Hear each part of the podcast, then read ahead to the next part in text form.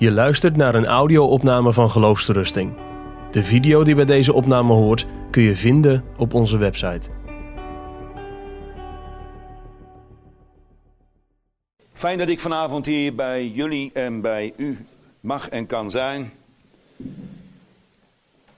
We gaan wat nadenken over dromen. Wat dromen precies zijn in de Bijbel. Wat de inhoud daarvan is, of dromen bedrog zijn, of dat dromen heel bijbels zijn. Hebben dromen alleen maar iets te maken in het Oude Testament met ons, of heeft het Nieuwe Testament ook nog iets met dromen? Ik ga een paar versen met jullie lezen. En natuurlijk het gedeelte uit Genesis 28.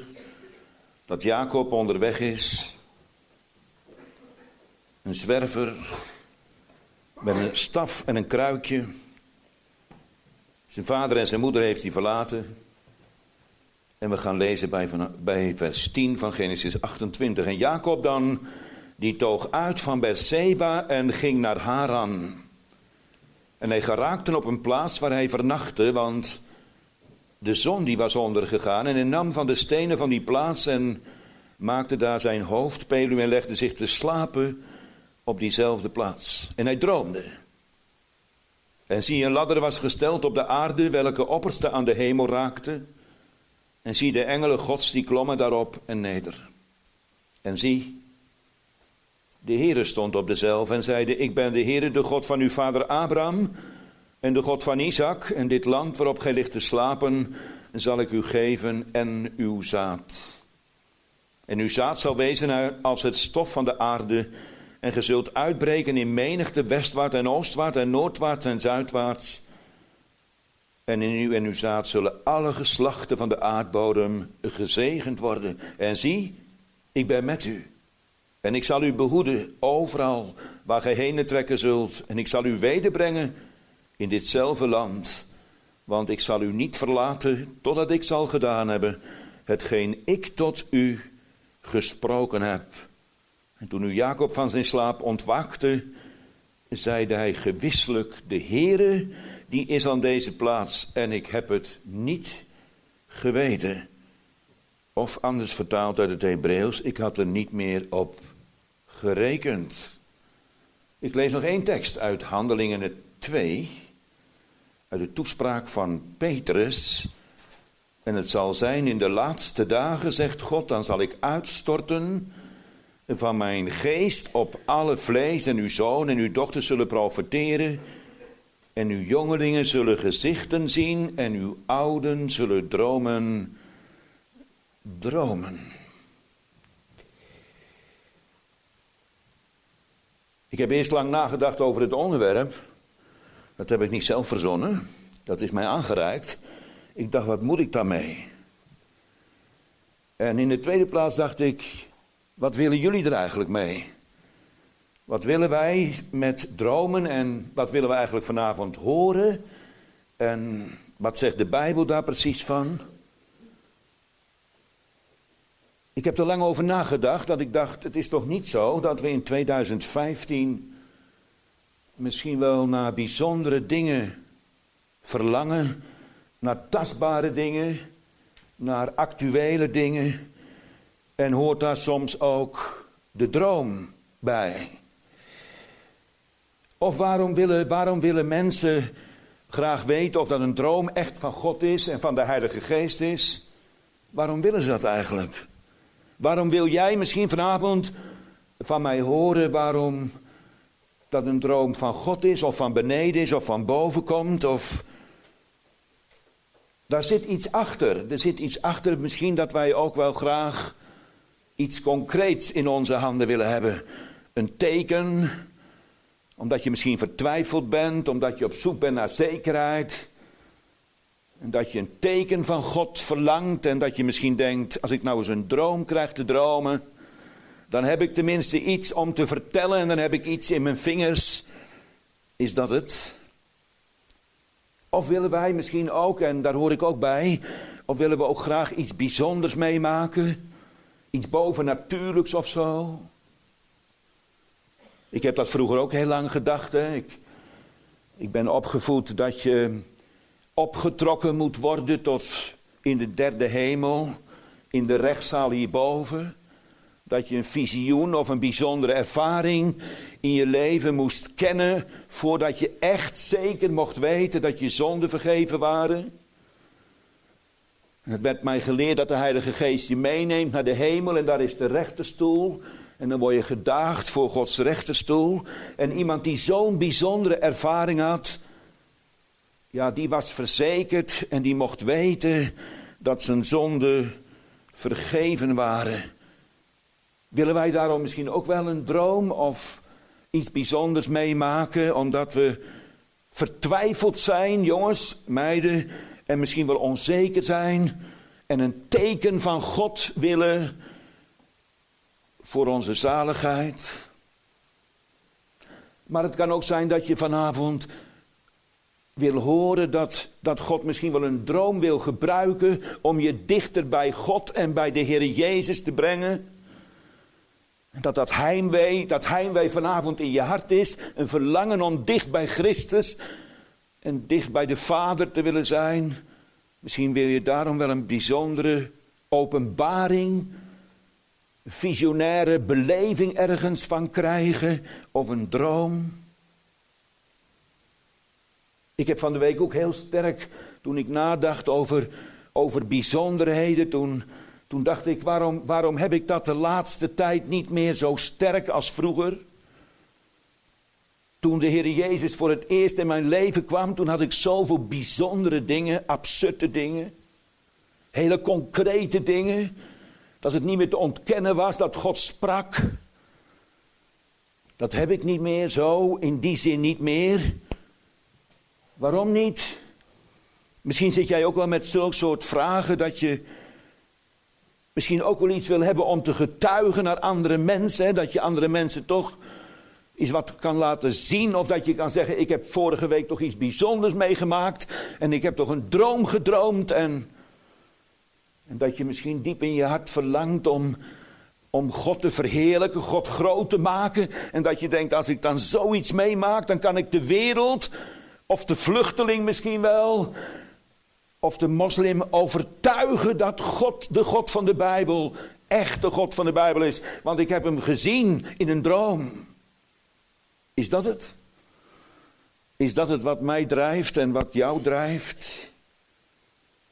En toch wil ik eigenlijk dit samenvatten en straks mag je alles op papier zetten en je mag alles aan mij vragen. En ik weet waarschijnlijk niet overal een antwoord op, maar ik ga nu een uitspraak doen dat ik geleerd heb na 57 jaar. Weet je wat het meest bijzondere is wat je mee kunt maken? Dat het meest gewone zo bijzonder is dat je in aanbidding en verwondering voor God neervalt. Dat God door de eenvoudige verkondiging van zijn woord en door de Heilige Geest je hart wil brengen in verwondering en in nabijheid van Hem. Ik heb van de week ook gedroomd trouwens. Ik droom bijna nooit. Ik heb een hele rare gewoonte. En misschien ook wel een goede gewoonte. Ik voel me er heel goed bij. Het wordt me niet opgelegd, maar ik ga altijd s morgens om kwart over vier op. Maar ik heb wel eens van die morgens, weet je wel, vlak voordat het licht gaat worden, dan ben ik al uitgeput. En dan moet de dag nog beginnen. En dat was een dinsdag ook zo. Ik werd aangevochten van binnen door de duivel. Ik was bezig aan het nadenken over dromen. En ik ben in slaap gevallen op de bank. Van half zeven tot kwart over zeven. En ik werd wakker. En je gelooft het niet, maar het is echt gebeurd. Ik hoorde mijn naam noemen. Tot vijfmaal toe. Tot vijfmaal toe hoorde ik een stem. En die riep Ari. En ik schrok wakker en ik keek om me heen. En het eerste wat ik dacht. Roept God mij? Ik heb gezocht of dat ik echt bijbels fundamenteel zekerheid mocht hebben dat dat de stem van de Heer was die mij riep. Ik heb het niet gekregen. Ik ben het ook heel snel weer vergeten. Een hele bijzondere openbaring misschien wel voor jou en voor mij ook, maar er zat geen inhoud in, er zat geen, er was geen geloof. Dat ik echt kon geloven dat God mij riep. Trouwens, er was geen boodschap. En ik ben toch tot de conclusie gekomen dat door de veelheid van mijn gedachten. en dat ik moe was, aangevochten. dat ik toch tot de conclusie moet komen dat dit gewoon hele menselijke verschijnsels zijn. Toch spreekt de Bijbel over dromen. En ik, hoor, ik krijg straks gegarandeerd op een briefje van ja maar dominee, ik heb pas een, een, een moslim gesproken. Ja, zo ken ik ook heel veel verhalen. En trouwens, als je op internet het intikt, dan, dan rollen ze er zomaar uit. Maar wat zegt de Bijbel? Wat zegt de Bijbel nou eigenlijk van dromen? En ik ben tot de conclusie gekomen, tot deze definitie, dat je nergens volgens mij, als het anders is, dan hoor ik het vanavond heel graag. Maar nergens in de Bijbel kun je lezen over een droom die iets te maken heeft met zalig worden. Met vergeving van zonde. Met de Heer Jezus leren kennen. Nergens lees ik dat in de Bijbel. Ik lees wel heel veel over dromen, maar die hebben te maken dat God een weg wijst, een weg wijst aan zijn kinderen en soms zelfs ook aan heidenen. Een paar dingen zomaar. De bekende geschiedenis natuurlijk van Jacob is dat God hem bemoedigt door een droom en dat Jacob contact krijgt met de hemel door middel van de droom. Moet je even voorstellen, Jacob was van zijn vader en zijn moeder verstoten. En de vorige dag had hij zijn vader zogenaamd bedrogen, zo noemen we dat. Daar lees ik trouwens geen verwijt van in de Bijbel. En dan gaat hij de volgende dag op pad met de zegen van zijn vader. Die krijgt hij ook nog mee. En een kruikje en een staf. En verder heeft hij niets. Hij is een zwerver, een vluchteling geworden. En dan ontmoet God Jacob in een droom. En dan bemoedigt, dan bemoedigt God Jacob met de belofte die Jacob al lang wist. En de Heer zegt, Jacob, ga maar. En straks zul je terugkeren en ik zal mijn belofte aan jou vervullen. Jacob werd bemoedigd in de droom en versterkt. Maar daar gaat het niet zozeer over bekeerd worden, een nieuw hart krijgen. Want Jacob was al een kind van God. Jacob was oud-testamentisch al gerechtvaardigd. En dit was alleen een bemoediging van de Heer op een bijzonder moment, op een bijzonder tijdstip. En daar gebruikte God een droom voor. Logisch. Dat is niet reformatorisch, maar bijbels, want de Bijbel was er niet. Dus dat was de manier hoe God zijn kinderen bemoedigde en vertroostte. Onder andere door dromen. En straks als hij bij Laban is in Genesis 31, dan moet hij weg van God en dan zegt God, nu is het hoog tijd Jacob om weg te gaan. En dan gebruikt God weer een droom en een engel in de droom die zegt: Jacob, pak je koffers, neem je vrouw en je kinderen mee. En nu is het de tijd om naar huis te gaan. Dat was de manier hoe God zijn kinderen tegemoet kwam. Maar niet alleen bij Jacob, want Laban krijgt ook een droom. In Genesis 31, vers 24. Laban de Syrië trouwens in een droom van de nacht en de Heere zeide, blijf met je vingers van mijn kind Jacob af. God maakt zich bekend. En jullie kennen al de dromen. In het Matthäus-evangelie, Jozef, in betrekking tot de wijze uit het oosten. En als Jozef met de Heer Jezus in Egypte is en dat er een droom, een engel komt in een droom en die zegt nu is het tijd om weer naar huis te gaan. God wijst een weg aan Jozef door dromen. Nou, we bekennen natuurlijk allemaal de geschiedenis van Jozef. En dat Jozef een droom kreeg te dromen. Dat hij koning zal worden en dat zijn, zijn vader en zijn broers voor hem zullen buigen. En Jacob heeft dat geloofd. Dat het niet zomaar een droom was wat uit het, wat uit het hoofd van Jozef kwam, maar Jacob geloofde dat God door middel van die droom de toekomst als het ware uitrolt voor de ogen van Jozef. En later in de gevangenis, twee mensen die niks met God te maken hebben, een schenker en een bakker, die krijgen een droom te dromen. God maakt hun toekomst bekend, zelfs aan iemand die niets had met het Jodendom. Er zijn ook een paar opmerkelijke teksten in de Bijbel. Die praten in Numri bijvoorbeeld. Staat er, toen kwam de Heer af in een wolkolom en die stond aan de deur van de tent, de tent van de samenkomst. En daarna riep hij Aaron en Mirjam en zij kwamen beide uit. En hij zeide, hoort nu mijn woorden. Zo er een profeet onder u is, ik de Heere, zal door een gezicht mij aan hem bekendmaken of door een droom zal ik met hem spreken. Maar met mijn knecht Mozes niet. Want met Mozes spreek ik van aangezicht tot aangezicht. Niet door middel van dromen en visioenen, maar ik spreek met hem zoals een vriend spreekt.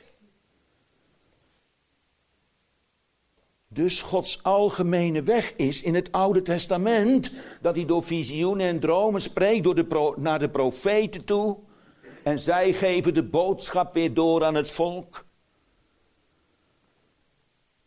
Maar de Bijbel waarschuwt ons ook voor dromen. Want een droom is per definitie niet iets van de Heilige Geest. In Deuteronomium staat wanneer een dromendromer u een teken geeft of een wonder en dat teken of dat wonder dat komt tot u. En hij zal zeggen laat ons andere goden die gij niet gekend hebt navolgen en laten we hen dienen. Je zult naar de woorden van die profeet of van die dromendromer niet horen. Want de Heere, uw God, verzoekt, beproeft jullie om te weten of je de Heere je God lief hebt met je hele hart en met heel je ziel. Dus soms komen er mensen die vertellen dromen. En God gebruikt die mensen die een kwade boodschap brengen om jou te louteren, te beproeven. Dat is ook apart. Want in Jeremia 23 staat, ik heb gehoord wat de profeten zeggen die in mijn naam, zegt de Heer, leugen profeteren. En ze zeggen, ik heb gedroomd, ik heb gedroomd. En die daar denken om mijn volk mijn naam te doen vergeten door hun dromen. Die zij in ieder zijn naaste vertellen, gelijk als hun vaders mijn naam vergeten hebben door Baal. Met andere woorden, pas op voor mensen die met dromen komen. Je kunt niet per definitie zeggen dat is een bijzondere gebeurtenis, dus dat is van God. Een droom moet ook getoetst worden. Niet alleen in het Oude Testament, maar ook in het Nieuwe Testament.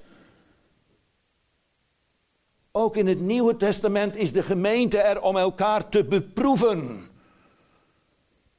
Of dat een droom wel echt van God is.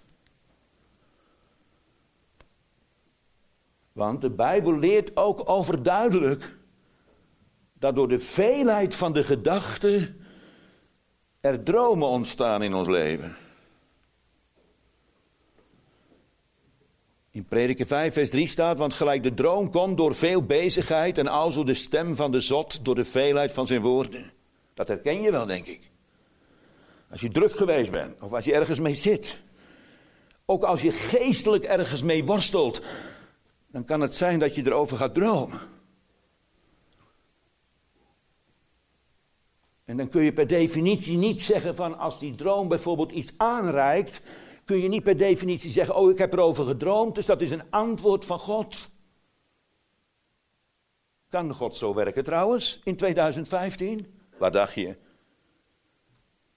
Gebeurt het dan vandaag aan de dag nog steeds? Ik geloof dat het nog steeds gebeurt. Dat er bijzondere situaties kunnen zijn dat de Heilige Geest een droom gebruikt om jou iets duidelijk te maken. Maar het moet wel naar het woord zijn. Wij geloven niet in openbaringen buiten de schrift om. Dus als je een droom krijgt omdat je ergens mee worstelt bijvoorbeeld, misschien denk je wel, ik moet naar het zendingsveld of zo. Of misschien loop je met een roeping of zo, of dat je denkt, ik moet naar Israël. Of dat je denkt, ik moet afscheid nemen van alles, ik moet mijn vader en mijn moeder verlaten. En je gaat er soms over dromen. Je kunt nooit op grond van de droom zeggen dat dat de stem van God is. Je kunt wel met de droom naar God toe gaan en zeggen: Heer, wat bedoelt u ermee? Wijs mij aan in de Bijbel, in uw woord, wat, wat uw bedoeling is met mijn leven.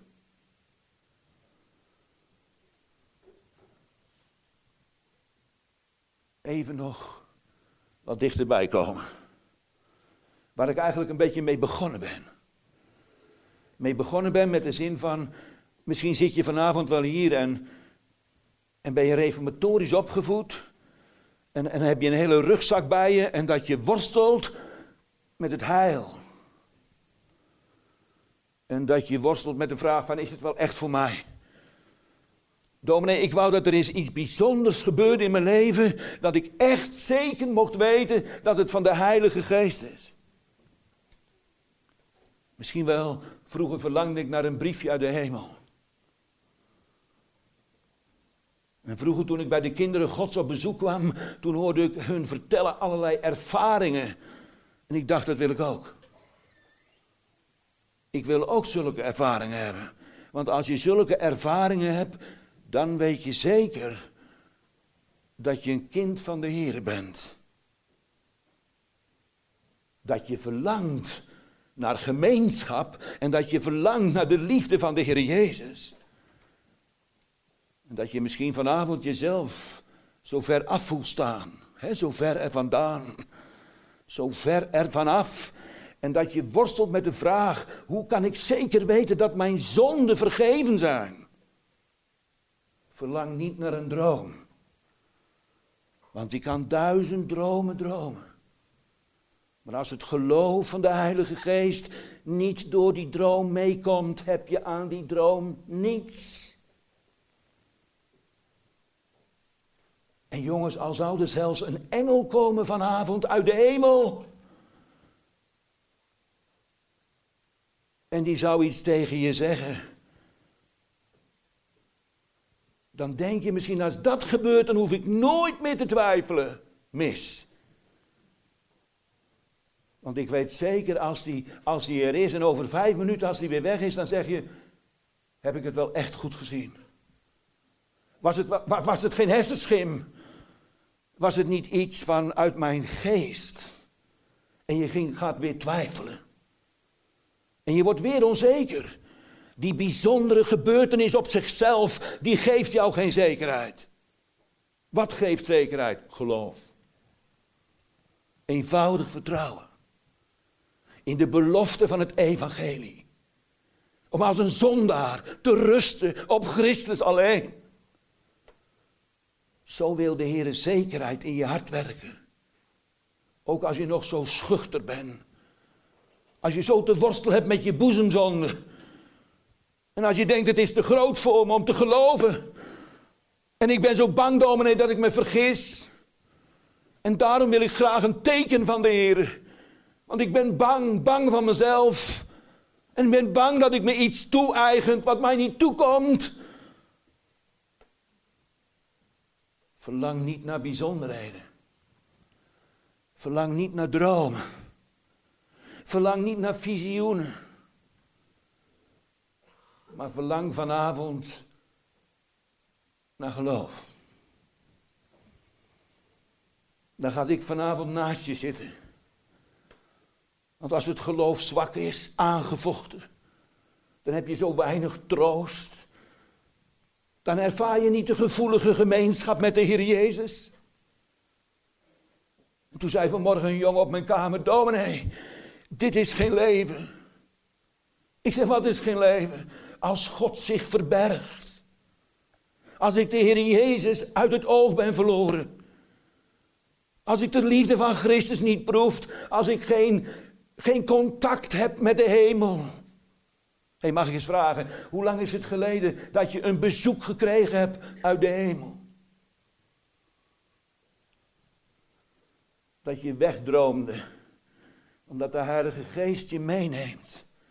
En dat je door het woord, als het ware, door het geloof, door de Heilige Geest, zo dicht bij God mocht zijn. Zo dichtbij. Dat je vanavond zegt tegen je, je broeder of je zuster: Ik heb van de week een bijzondere ontmoeting gehad. Nee, geen droom, geen visioen in de eerste plaats. Maar in je hart. Gemeenschap met Christus. Dat je zo mag wandelen van dag tot dag. Vroeger dacht ik dat kan niet. Het is zo genoten, dacht ik vroeger. En het is zo weer toegesloten. Dat is één keer in, in, in een jaar of zo dat je zoiets mag ervaren. Ik wil je vanavond oproepen. Sta niet naar dromen. Sta niet naar bijzonderheden in de eerste plaats. Maar sta er vanavond na om Christus te ontmoeten. Om hem in je hart te mogen sluiten. Om met je vuile, gore, verdorven handen door het geloof hem toch in je hart te mogen sluiten. Hè? En dat je straks in de pauze mag zeggen tegen die jongen die zo van ver staat.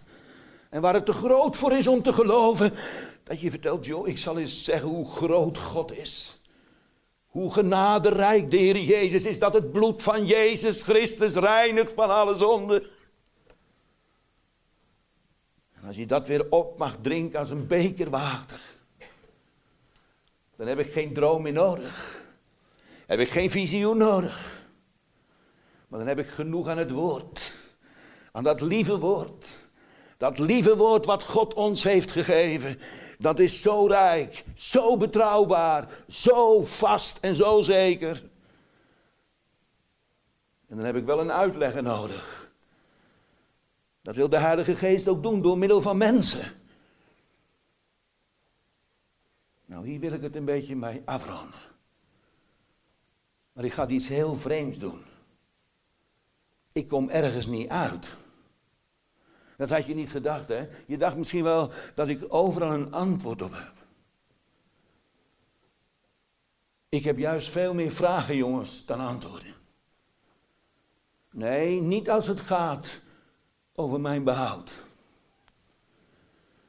Dan mag ik door genade weten dat het vast ligt in de doorboorde van mijn lieve meester.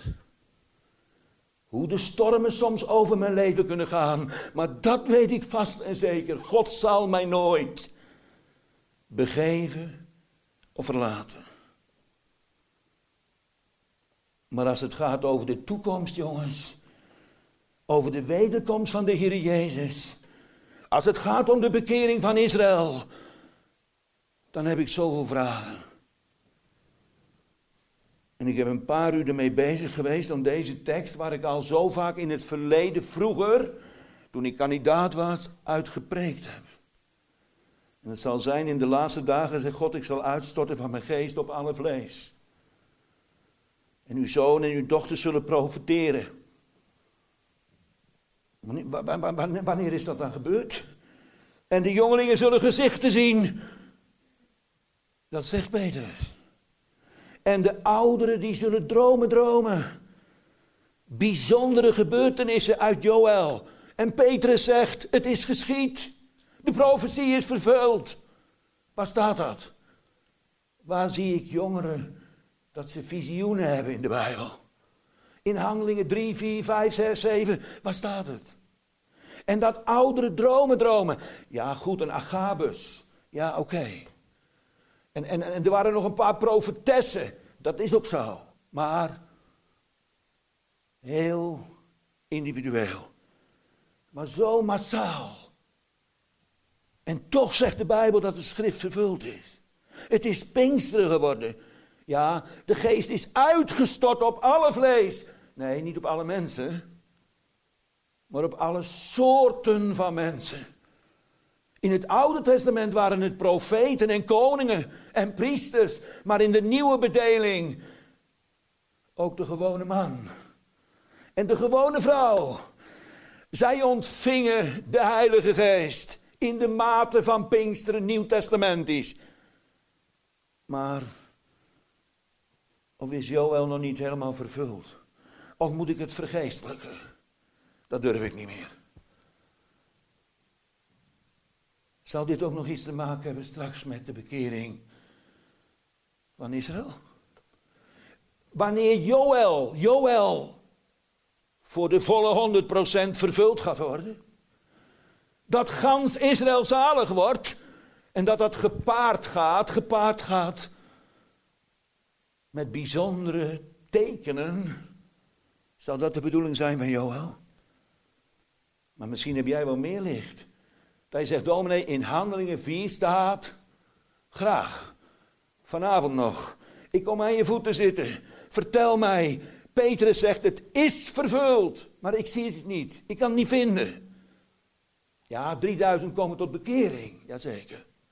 Krijgen bijzondere gaven van de Heilige Geest, jazeker. Maar dromen dromen. En gezichten zien. Nou, beetje vreemd hè, om daarmee te eindigen. Straks wordt het misschien wel heel druk om mij heen, maar komt het gewoon tegen mij vertellen hoe het zit. En dan zal ik het doorgeven aan de anderen na de pauze. Ik wil alleen nog even vragen. Heb je wel de Heilige Geest? Want als je de Heilige Geest niet in je hebt wonen. Ja, dan neem ik je niet serieus. Ja, wel als mens, ik hou van jou, maar niet van jouw woorden. Maar als je de Heilige Geest hebt, dan wil je graag ook weten waar God het in zijn woord geopenbaard heeft. Maar je kunt de Heilige Geest niet hebben als je Christus niet hebt. Als je niet persoonlijk weet, al is het geloof nog zo zwak, maar als je persoonlijk niet weet dat Jezus het lam van God, jouw lam is, dan kun je ook de Heilige Geest niet hebben. Maar als je Jezus hebt, door genade, door de werking van de Heilige Geest, dan heb je ook de Heilige Geest in de tabernakel van je lichaam wonen. En die geest, daar heb God van beloofd, die zal u leren alle dingen. Dat hebt u toch beloofd? Nou, ik heb meer niet gezegd als wel gezegd. Vergeef het me. Maar wat ik gezegd heb, neem het mee. Schrijf het straks op een briefje waar je niet met me eens bent. En zeg gewoon, dominee, ik geloof je helemaal niet. Zeg me waar het staat. Doe dat. Onderwijs mij. Toets mij. Beproef mij. Maar ik hoop dat jullie ook vanavond naar huis gaan. Met een diep heimwee. Omdat je een ontmoeting gehad hebt. Met de Heer Jezus. En dat je zo vol mag zijn van zijn liefde.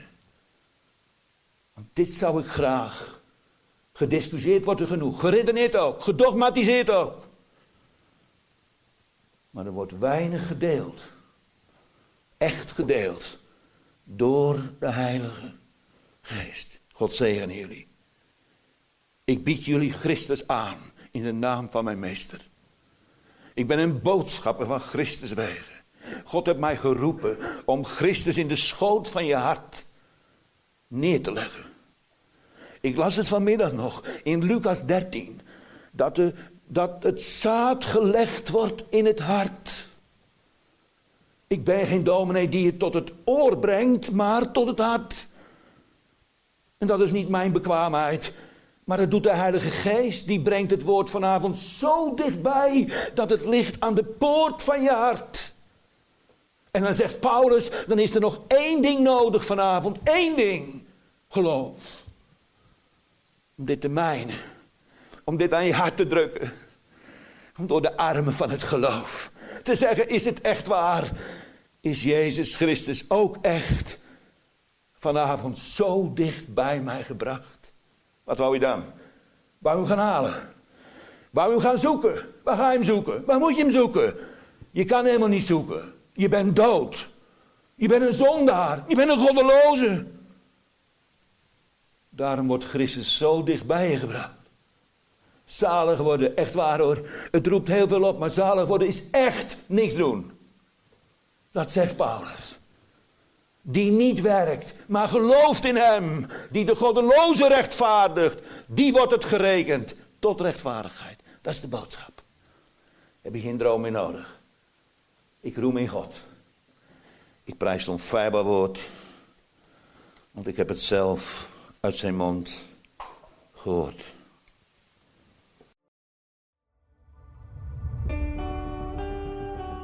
Je luistert naar een podcast van Geloofsterusting.